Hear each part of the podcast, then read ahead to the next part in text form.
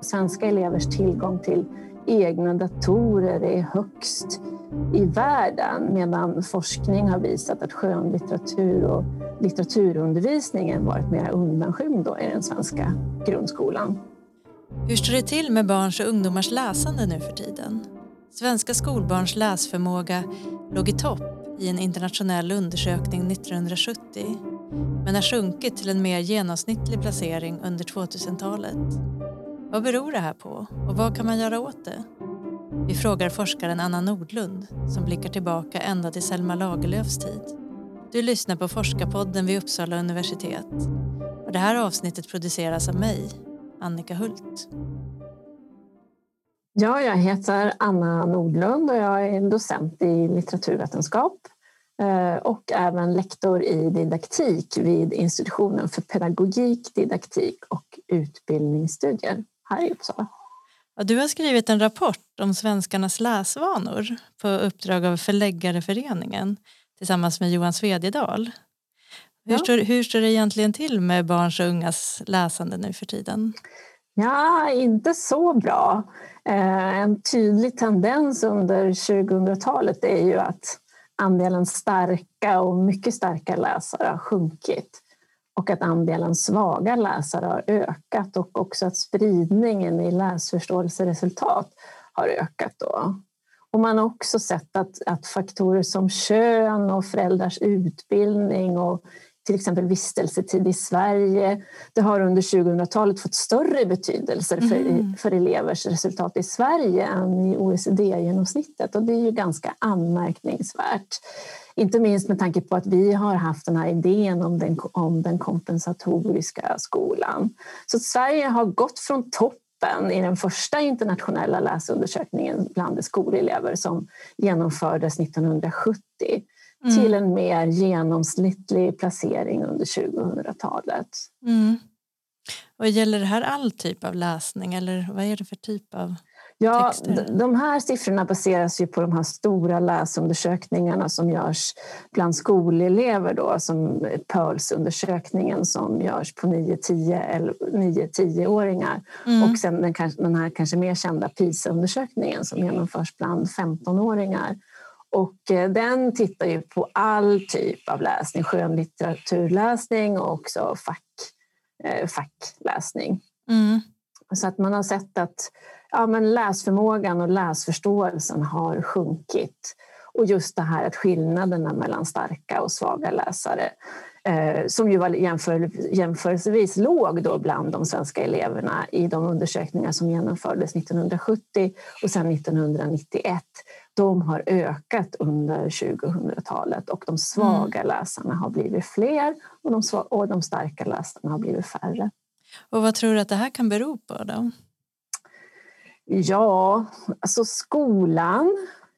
Eh, skolans upplägg av undervisningen och eh, eh, skolans läroplaner. Man ser till exempel att timantalet i svenska har gått kraftigt ner från folkskolan till dagens läroplan.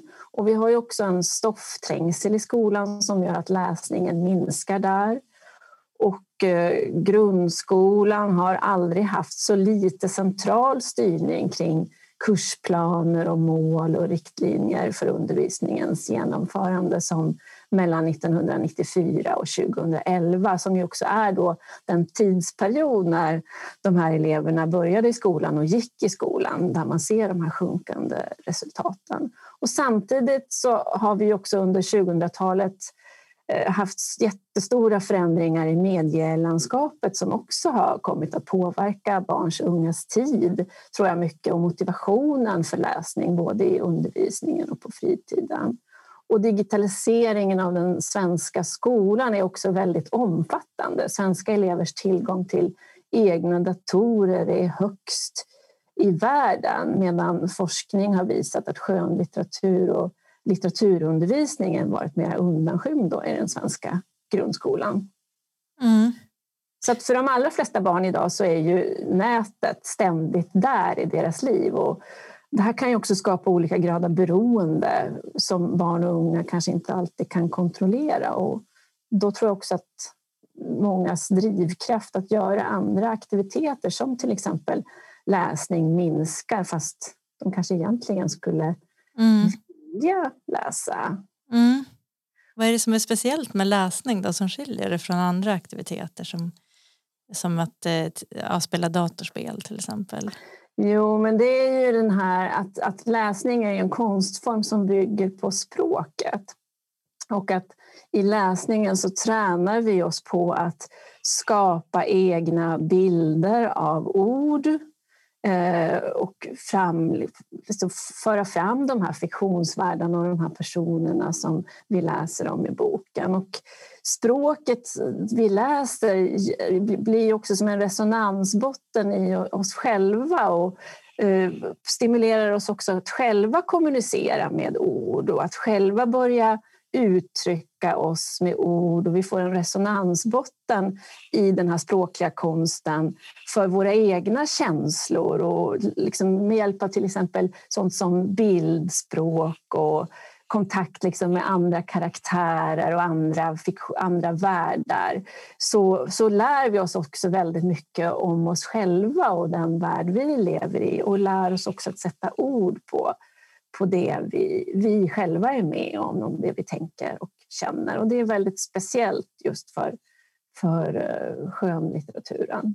Så det, det hjälper en i, sitt, i ens eget tänkande på något sätt? Och att ja, sätta ord på saker? Och det, det stimulerar ju absolut vår språkförmåga och vår förmåga att uttrycka oss mm. och uttrycka inte minst oss själva och vad vi är med om. Mm. Och så tänker jag för barn och unga just att man också när man möter olika händelser och så i, i fiktionens form så får man också en slags förberedelse på saker och ting som kan hända en själv och en förberedelse i tanken på hur skulle jag reagera på det här och mm. hur skulle man kunna undvika att det blir så här. Man, man utsätts för olika slags prövningar som, mm. som människa på något vis på ett existentiellt plan eh, innan det liksom händer. Man får, man får en, en, en ökad inlevelseförmåga mm. i, i vad livet är och vad det liksom är att vara människa. Och man lär sig att uttrycka detta med ord. Ja, men det här med att, att eh, läsningen minskar eller att man vill, vill öka på läsningen. Eh, det är ju inget nytt problem, eller hur? Det har funnits tidigare i historien har man arbetat för det här? Absolut. Eh, och det är ju intressant, för det, det, här det är verkligen inte ett nytt problem. Det här att vi har medborgare som är som dåligt rustade för att kunna ta del av och värna våra demokratiska styrelseformer. För det är ju någonstans det det handlar om ytterst. Och jag tror att vi har mycket att lära av historien här och mm demokratirörelser som vi hade i Sverige för ungefär hundra år sedan. I både arbetarrörelsen och kvinnorörelsens kamp för rösträtt och jämlikhet så, så var ju bildningsfrågan väldigt central. Kvinnor skulle få samma tillgång till utbildning som männen och centralt inom socialdemokratin var ju att arbetarna skulle få tillgång till den så kallade finkulturen. Och det sker en mobilisering från många olika håll i början av 1900-talet för att stärka bildningsvägarna och också inte minst folkskolan. Och folkskolan hade ju införts i Sverige redan 1842 men den betraktades i det närmaste som en fattigvårdsanstalt. Det var här fattiga barn skulle få nödtorftig mm. kunskap, lära sig att läsa och skriva och räkna. Och det var också väldigt starkt fokus på en sorts religiöst inramad fostran till att bli plikttrogen och underdånig. Så det var ju väldigt mycket en skola som var anpassad till den tidens klassamhälle. Mm. Som höll människor tillbaka. Men runt 1900-talet så började man från flera olika håll diskutera reformer av den här folkskolan som skulle kunna göra folkskolan verkligen till en skola för alla.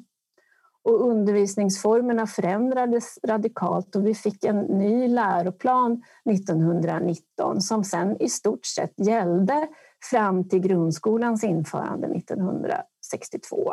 Och I den här läroplanen så är det mycket fokus på åskådlighet och barnets nyfikenhet och samtalsövningar och gemensam litteratur litteraturläsning. Mm. Också vid den här tiden, i början på 1900-talet när demokratin diskuteras och eh, utbildningsreformerna diskuteras som mest intensivt som vi får den första egentliga barnkulturen och barnlitteraturen i Sverige. Mm. Och det är till stora delar, den är ju till stora delar faktiskt producerad av kvinnor som var centrala i de här reformrörelserna som Alice Tegnér och Elsa Beskow och Selma Lagerlöf för att nämna några. Mm. Och det var ju också Selma Lagerlöf som tog initiativet till folkskolans stora läseboksprojekt ja. med riktig skönlitteratur mm. som läseböcker och läroböcker i skolan. Mm. Och vi har också till exempel barnbiblioteket Saga som startar vid den här tiden. Och just med idén att via skolan distribuera bra barnlitteratur till alla barn. Så att det är väldigt många krafter i omlopp här för förändring. Och det handlar ju ytterst om demokratins införande faktiskt. Mm.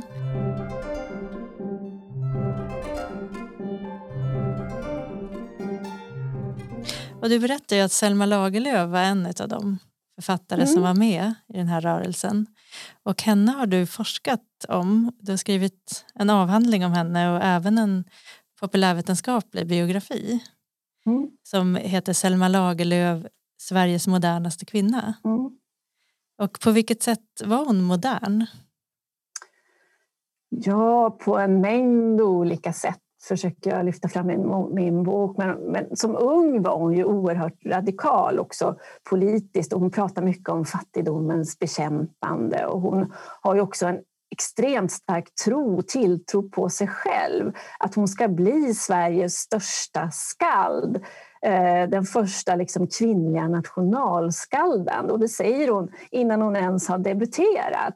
Eh, fast hon varken var myndig eller hade några stora utsikter egentligen att få någon ordentlig utbildning så har hon en så enorm tro på sig själv.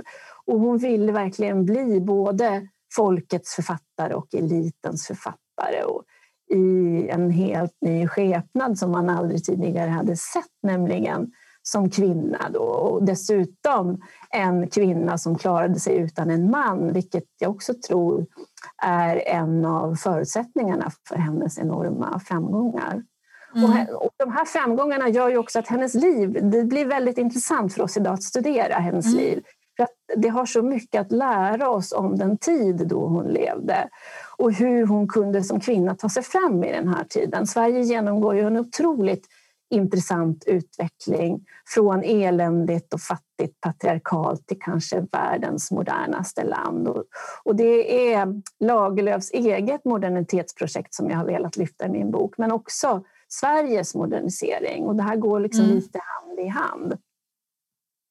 Ja, precis. Och eh, eh när du skrev din bok, eh, tycker du att du, du ger liksom en något annorlunda bild av Selma Lagerlöf än den man har?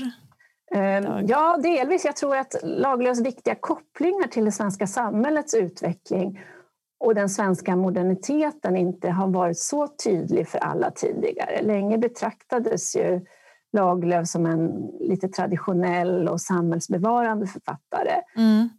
Inte så radikal. Och det fanns ju i hennes samtid också, särskilt bland män, en föreställning om att hon levde lite isolerat och skrev närmast på intuition och mm. utan medvetna liksom, intentioner och att hon inte var särskilt intellektuell. Mm. Det här mm. var ju föreställningar som, som Lagerlöf-forskningen gjorde upp med på 1950 och 60-talen men som ändå levde kvar förhållandevis länge i litteraturhistoriska handböcker. Och sen på, på 90-talet så släpptes ju hennes brev fria och delar gavs ju ut i fina utgåvor och det tror jag också bidrog till en ändrad syn. Och Lagerlöf-forskaren Vivi Edström kom ju också ut med en viktig biografi 2002 som heter Livets vågspel. Mm. Och hur, hur tyckte du att det var som forskare att skriva en populärvetenskaplig biografi? Ja, jag började läsa litteraturvetenskap på 90-talet samtidigt som den feministiska litteraturforskningen hade ett stort genomslag och, och, därför så kommer ju min avhandling att handla just om Selma Lagerlöf som upphöjd stor författare och hur hon eh, också hade utsatts liksom för könsnedvärderande omdömen och en köns, lite könsnedvärderande inplacering så i litteraturhistorieskrivningen. Så att min avhandling byggde ju liksom, det var ju receptionen, Lagerlöf-forskningen som var mitt forskningsobjekt. Så mm. Jag läste ju in mig på otroligt mycket forskning och också recensioner och så kring Lagerlöfs författarskap. Så att jag var ju väldigt inläst på forskningen.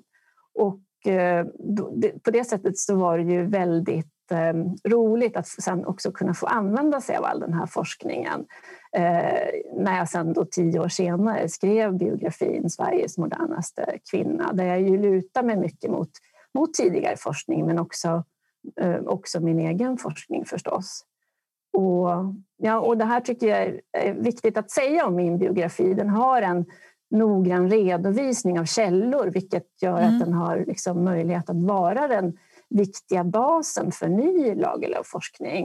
Mm. Och det är faktiskt märkligt nog den, den enda biografin om Lagerlöf på svenska som har ordentliga källhänvisningar. Jaha. Samtidigt är det ju absolut en populärvetenskaplig bok, lättsamt och underhållande skriven. Men, men just den här redligheten, att man ska kunna lita på det som står och också kunna få hänvisningar att läsa vidare, tycker jag det är så det är så viktigt att vi som forskare som skriver populärvetenskap värnar.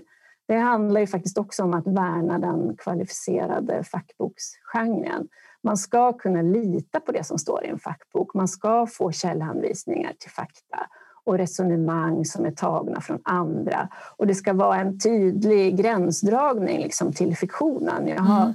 har väldigt svårt för faktion i fackböcker där författaren går in och tar sig liksom skönlitterära friheter att föreställa sig och iscensätta vad den porträtterade människan man skriver om kan ha tänkt och känt. Mm. Så. Ja. ja, för det har väl blivit allt vanligare? Jo, liksom och som man läser en fackbok så tycker jag man ska, man ska veta att det som står där bygger på fakta och man ska själv också kunna gå vidare och, och granska källorna till, till det som står. Mm. hur kom det sig att du började forska om Selma Lagerlöf just? Jo, men det var ju mycket det, det jag sa att ehm, ja, den här med den feministiska litteraturvetenskapen då, som var väldigt i ropet på 1990-talet när jag började läsa litteraturvetenskap. Och, och, det handlade ju då mycket om att gräva fram och omtolka bortglömda författare, bortglömda kvinnliga författarskap som hade varit nedvärderade eller missförstådda så i litteraturhistorien. Och, då, och jag tyckte ju väldigt mycket om Selma Lagerlöf. Jag hade ju läst mycket Selma Lagerlöf eh, redan i tonåren och tänkte att det skulle vara intressant att undersöka om också hennes författarskap då, som ju alltid i någon mening har varit högt värderat i litteraturhistorien också hade utsatts för de här könsdiskriminerande och nedvärderande bedömningarna. Och det kunde jag ju se att det var så trots att Elin Wägner redan i början av 1940-talet, strax efter att Selma Lagerlöf hade dött, hon skrev en fantastisk biografi om Lagerlöf och om den intellektuella Selma Lagerlöf som mm. medvetet använde sig av olika författarroller och skrev fram en enkelhet och en godhetsestetik i sitt författarskap så levde ju ändå den här föreställningen kvar om att Lagerlöf skulle vara omedveten och lite naiv och bygga sitt författarskap på en slags mm. nedärvd muntlig tradition. Mm. Hon fick ju ändå Nobelpriset i litteratur. Hur? Absolut, det fick hon ju. Så det, mm. det, är liksom också så fascinerande hur hon lyckades ta sig fram. Ja. Hon Liksom föds in i en tid när, när inte ens ogifta kvinnor var myndiga och fick bestämma själva över sina liv. Och hon blir den första kvinnan som du säger som får Nobelpriset i litteratur. Och hon utses till hedersdoktor, den första kvinnan som blir hedersdoktor vid ett svenskt universitet, nämligen här i Uppsala. Och hon blir den första kvinnan i Svenska akademin. Så det här är ju verkligen en framgångssaga som, som fascinerar. Och samtidigt är det så intressant att se då vad, vad är det som gör att hon får Nobelpriset. Jo, hon lyfts fram väldigt tydligt som en sedlighetsdanare. Så. Mm. Det är hennes kvinnlighet som poängteras i väldigt många olika sammanhang. Och samtidigt är hon så otroligt skicklig själv att parera på de här olika mm. fälten. Mm. och liksom spelar sin roll så otroligt väl som, som eh, kvinnlig författare som var som omöjlig att förbise. Ja, så då måste hon ha haft den här, hon måste ha haft en styrka i sig själv då? Absolut. Och det är också så fascinerande just hennes otroliga självkänsla och självförtroende som hon ju alltså, verkar ha haft med sig ända sedan hon var liten. Och den här tilltron på att hon skulle bli en framgångsrik författare. Och där tror jag också det påverkade henne mycket att hon hon rörde sig väldigt mycket i kvinnliga miljöer. Hon hade två systrar som hon eh, var mycket med och de hade väldigt mycket stimulerande läsaktiviteter Eh, tillsammans, spelade mycket teater och skrev dikter och satte upp egna teaterpjäser och så här. Och sen så kommer hon in, blir hon ju uppmuntrad av en eh, nestor inom den svenska kvinnorörelsen, Eva Fryxell, som var dotter till Anders Fryxell som var historieprofessor här i Uppsala men också prost i Sunne i närheten av Mårbacka. Och Eva Fryxell uppmanar ju henne att skaffa sig en utbildning och då kommer hon till högre lärarinneseminariet i Stockholm vilket var liksom den högsta utbildningsanstalten som fanns för kvinnor på den här tiden som, om man inte hade möjlighet att, att komma till universitetet, vilket Lagerlöf inte hade. Så här var hon också i en väldigt kvinnlig miljö och fick kvinnliga studiekamrater som uppmuntrade henne väldigt mycket. Och sen kom hon till flickskolan i Landskrona med kvinnliga kollegor. Så att hon var också hela tiden, tänkte jag, i ett sammanhang där hon blev väldigt uppmuntrad och fick väldigt mycket stöd och väldigt mycket hjälp. Mm. Och jag tror också det här att hon var homosexuell faktiskt också hjälpte henne framåt. För att hon, hon blev aldrig förälskad i en man, hon blev liksom mm. aldrig beroende av en man. Mm. Hon behövde inte männens eh, tillbedjan och uppmärksamhet. Så. Mm.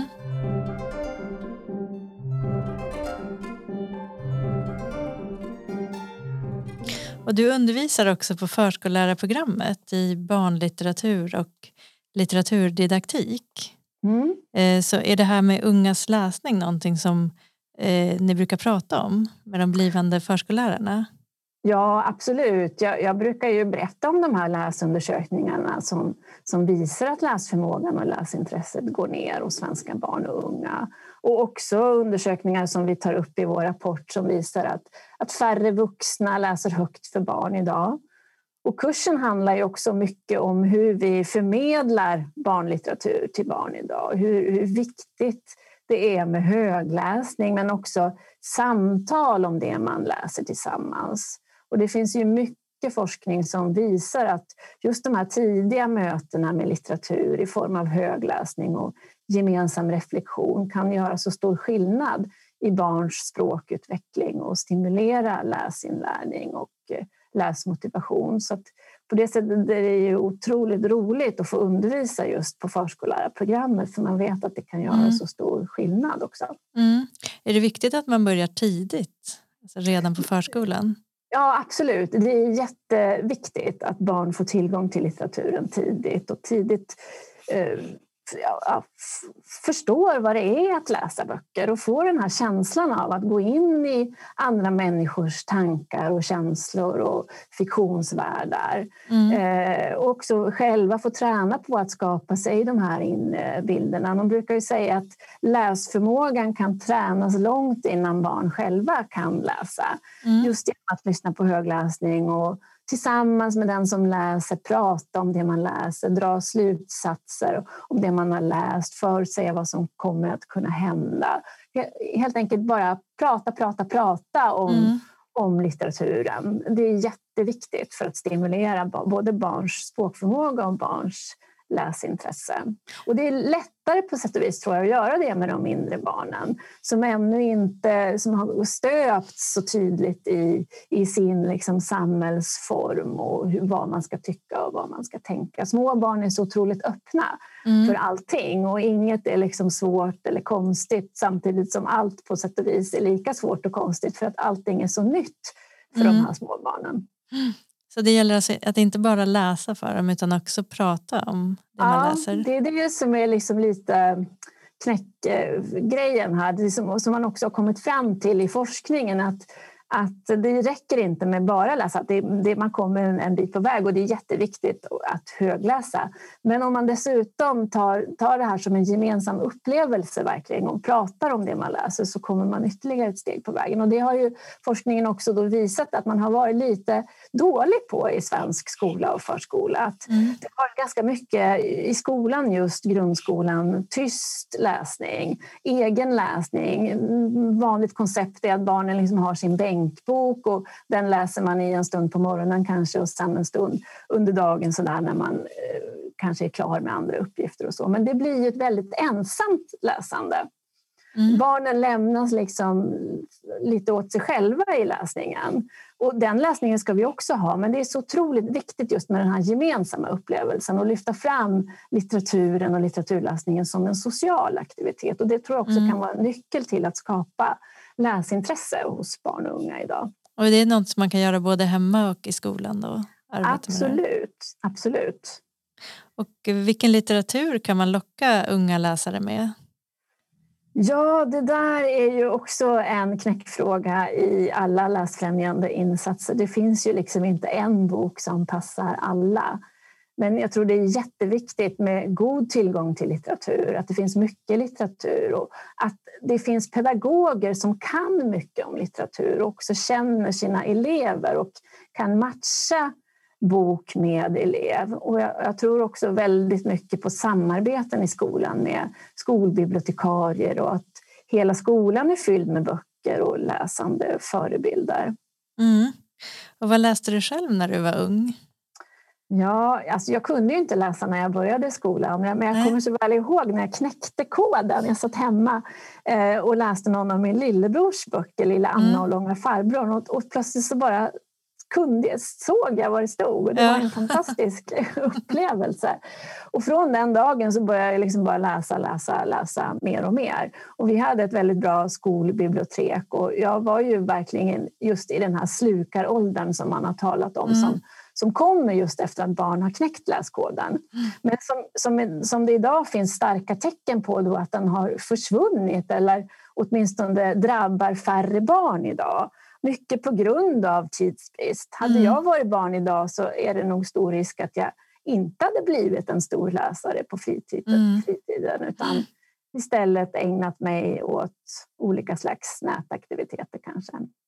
Och sen minns jag också att jag, jag började läsa liksom vuxenlitteratur och lite mer sån här klassisk litteratur eh, tack vare filmatiseringar faktiskt och tv-serier på, på SVT Drama som Vilhelm Mobergs Raskans var en sån här favorit. Också mm. Selma Lagerlöfs Charlotte Löwensköld som gick både som film och tv-serie när jag var i tidiga tonåren och som faktiskt blev det som drog mig in i Lagerlöfs värld. Mm, så det kan också fungera som en ingång till läsning, alltså filmer? Ja, absolut. absolut. Mm. Ja, jag tror att SVT Drama gjorde enorma insatser faktiskt där ja. för mig och mitt, mitt läsande. Och eh, behövs det en läsrörelse även idag? Ja, absolut. Och det finns ju faktiskt en, en lös, läsrörelse. Roligt att du använder just ja. det ordet. Det mm. finns ju en läsrörelse som har varit aktiv i 20 år som firade 20-årsjubileum här på ja. den digitala bokmässan. Och det är ju en ideell förening med, med Elisabeth Resslegård som ordförande och som har genomdrivit fantastiska läsfrämjande projekt med syfte att nå ut just till så många som möjligt. Inte bara så att säga de redan bokfällda. Till exempel så har ju läsrörelsen stått bakom eh, projektet att via McDonalds ge bort bra barnlitteratur eh, ett par veckor runt höstlovet varje år. Och som ett projekt som har pågått fram till 2019 tror jag. Och eh, även just den här idén att göra om höstlovet till ett läslov var läsrörelsens idé. Och jag, jag, jag, tycker mig nog ändå att vi, vi ser idag en allmän mobilisering för läsfrämjande. Mm. Och också det, all den uppmärksamhet som den här rapporten har fått visar ju lite på det. Och regeringen satsar nu massor med pengar på läsfrämjande åtgärder. Och partiledarna ställde upp i ett seminarium på Bokmässan som någon slags läsande förebilder och sådär. Mm. Och, och, i rapporten så, så trycker vi också mycket på att läsning och tid för läsning behöver försvaras av, av alla sektorer. Det är liksom inte bara så att hemmet kan göra någonting och skolan kan göra någonting utan alla måste engagera sig i det här. Det är en fråga för hela civilsamhället skulle jag säga, för näringslivet, för stat, regioner och kommuner och det är också något vi trycker på i rapporten och med, strategisk, med liksom strategiska insatser och debatt om de här frågorna så ser jag ändå goda möjligheter att stärka läskulturen i Sverige.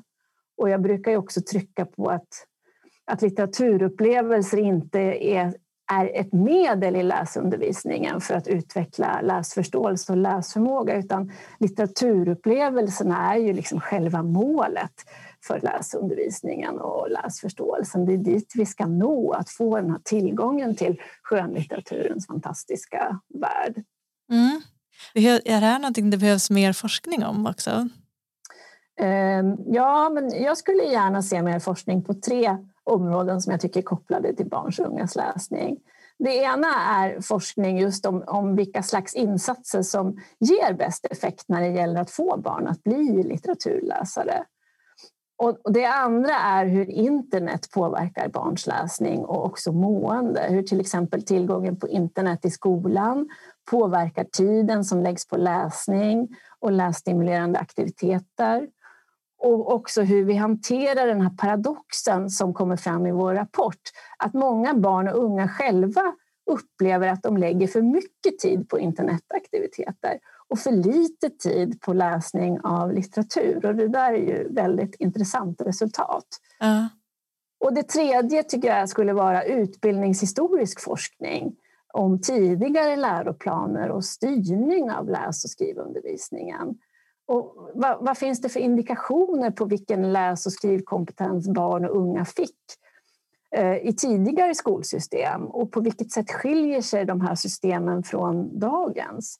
Och folkskolan mellan 1919 och 1962 ty tycker jag behöver utforskas mer, liksom också införandet av grundskolan och, och den rad av undervisningsexperiment som jag upplever har varit rätt dåligt underbyggda i forskning och beprövad erfarenhet. Och det är ju de grunder som lärarutbildningen ska stå på.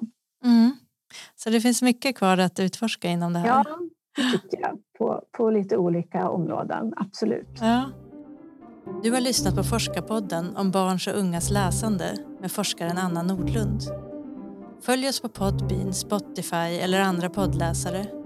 Kontakta oss gärna i sociala medier på hashtag forskarpodden eller på universitetets webbsida uu.se forskarpodden.